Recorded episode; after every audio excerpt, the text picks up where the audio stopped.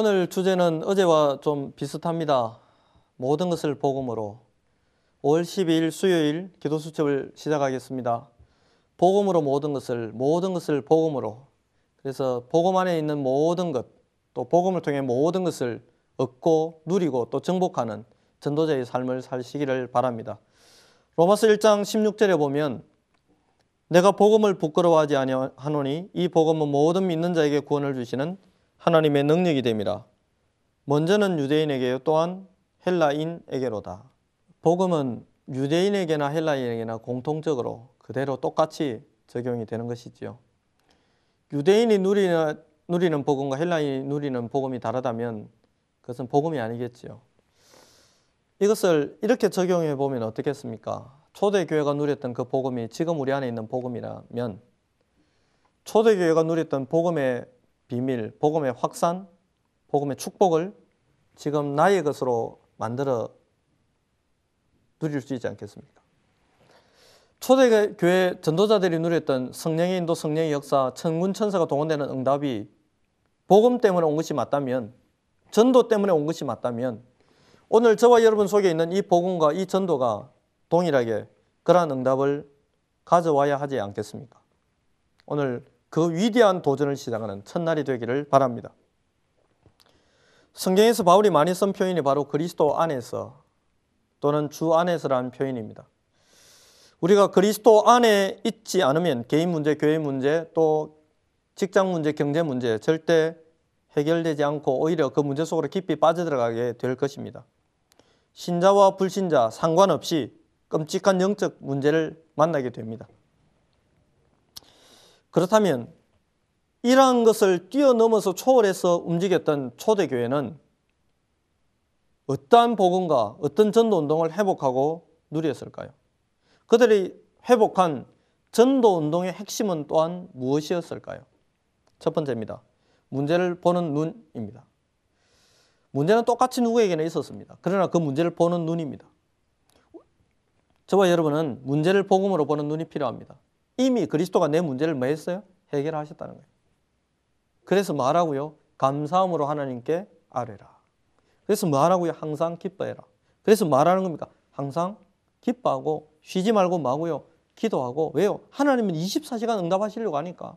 응답이 안 오면 문제는 문제로 끝납니다. 그러나 문제 응답이 오면 문제는 기적이 됩니다. 문제의 축복이 오면 문제는 발판이 됩니다. 그렇잖아요.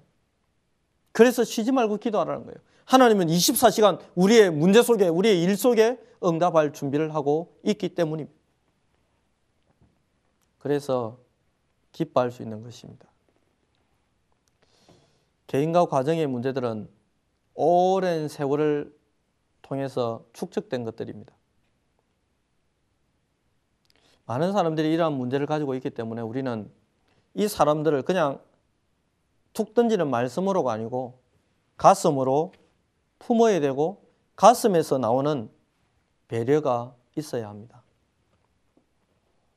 이렇게 하려면 자기 자신부터가 우리 자신이 복음의 기초를 잘 정돈하고 또 복음의 기본을 든든히 하고 복음을 누리는 복음의 깊은 뿌리를 내리고 있는 삶이 되어야 합니다. 그래야 근본적인 치유가 시작됩니다. 이것이 참된 복음 운동이며 전도 운동입니다. 복음을 누리고 복음의 뿌리를 내리고 있으면 다른 사람을 보는 눈이 달라집니다. 쟤는 왜 저래가 아닙니다. 그럴 수밖에 없지요. 그럴 수밖에 없는 그 사람을 나를 변화시킨 그 복음 안에 집어넣고 계속 기도하면서 영적인 배려를 하고 양육을 하면 사람은 변할 수밖에 없습니다. 두 번째입니다. 삶에 관한 눈입니다. 지금부터 삶에 관한 그림을 제대로 그려야 하겠습니다. 몇 가지가 있습니다. 첫째는 달란트입니다. 우리의 달란트를 복음과 전도의 관점에서 깊이 적용시켜 보십시오. 말씀과 기도를 통해서 계속 응답이 올 것입니다. 다윗은 돌멩이 던지는 그 달란트를 통해서 전도와 연관시켰습니다. 내가 골리앗을 꺾겠다고 말한 것이 아니고 오늘날 살아계신 하나님을 나타나겠다는 겁니다. 알게 하겠다는 것입니다. 하나님이 살아계시고 전능하신 것을 알게 하겠다는 것입니다. 뭘 통해서요? 돌멩이 던지는 그 전문성을 통해서입니다. 이때 하나님은 다윗에게 한 시대의 축복을 주셨음을 우리는 알고 있습니다. 하나님은 지금 그 응답을 여러분과 저에게 주고 싶어 하십니다. 둘째 공부입니다. 셋째는 교회 생활입니다. 넷째 가정 생활입니다. 다섯째 결혼입니다. 여섯 번째가 경제입니다. 일곱 번째 세상에 대한 준비, 준비입니다.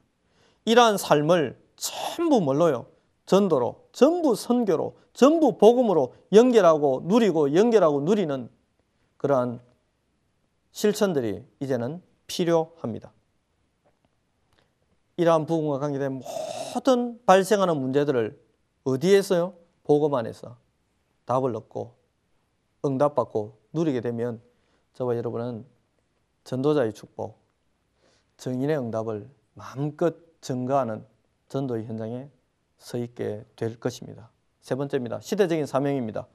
복음을 가진 우리에게는 사명이 있습니다. 모든 것을 복음으로 재해석하고 복음으로 재창조하고 모든 것을 복음으로 재적용해서 사랑과 사건을 보면 일을 보면 시간표를 보면 저와 여러분은 한 시대 응답 받고 누리는 사람이 될 것입니다.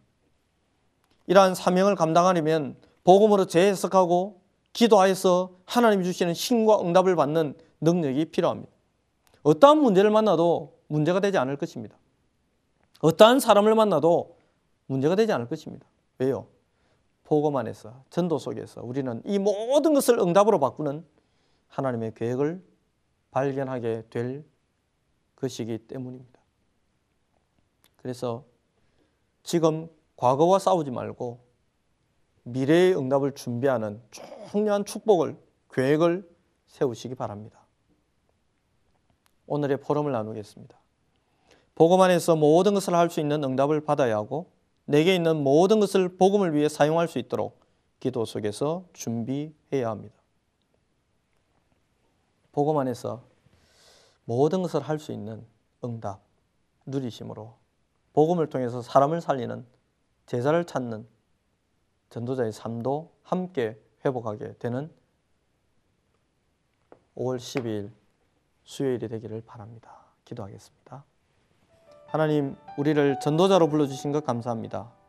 모든 것을 복음 속에서 재해석함으로, 복음의 눈으로 바라봄으로, 사람을 품고 사람을 이해하고, 전도자의 인생을 살아가는 은혜를 주옵소서. 감사드리며 살아계신 예수님의 이름으로 기도합니다. 아멘.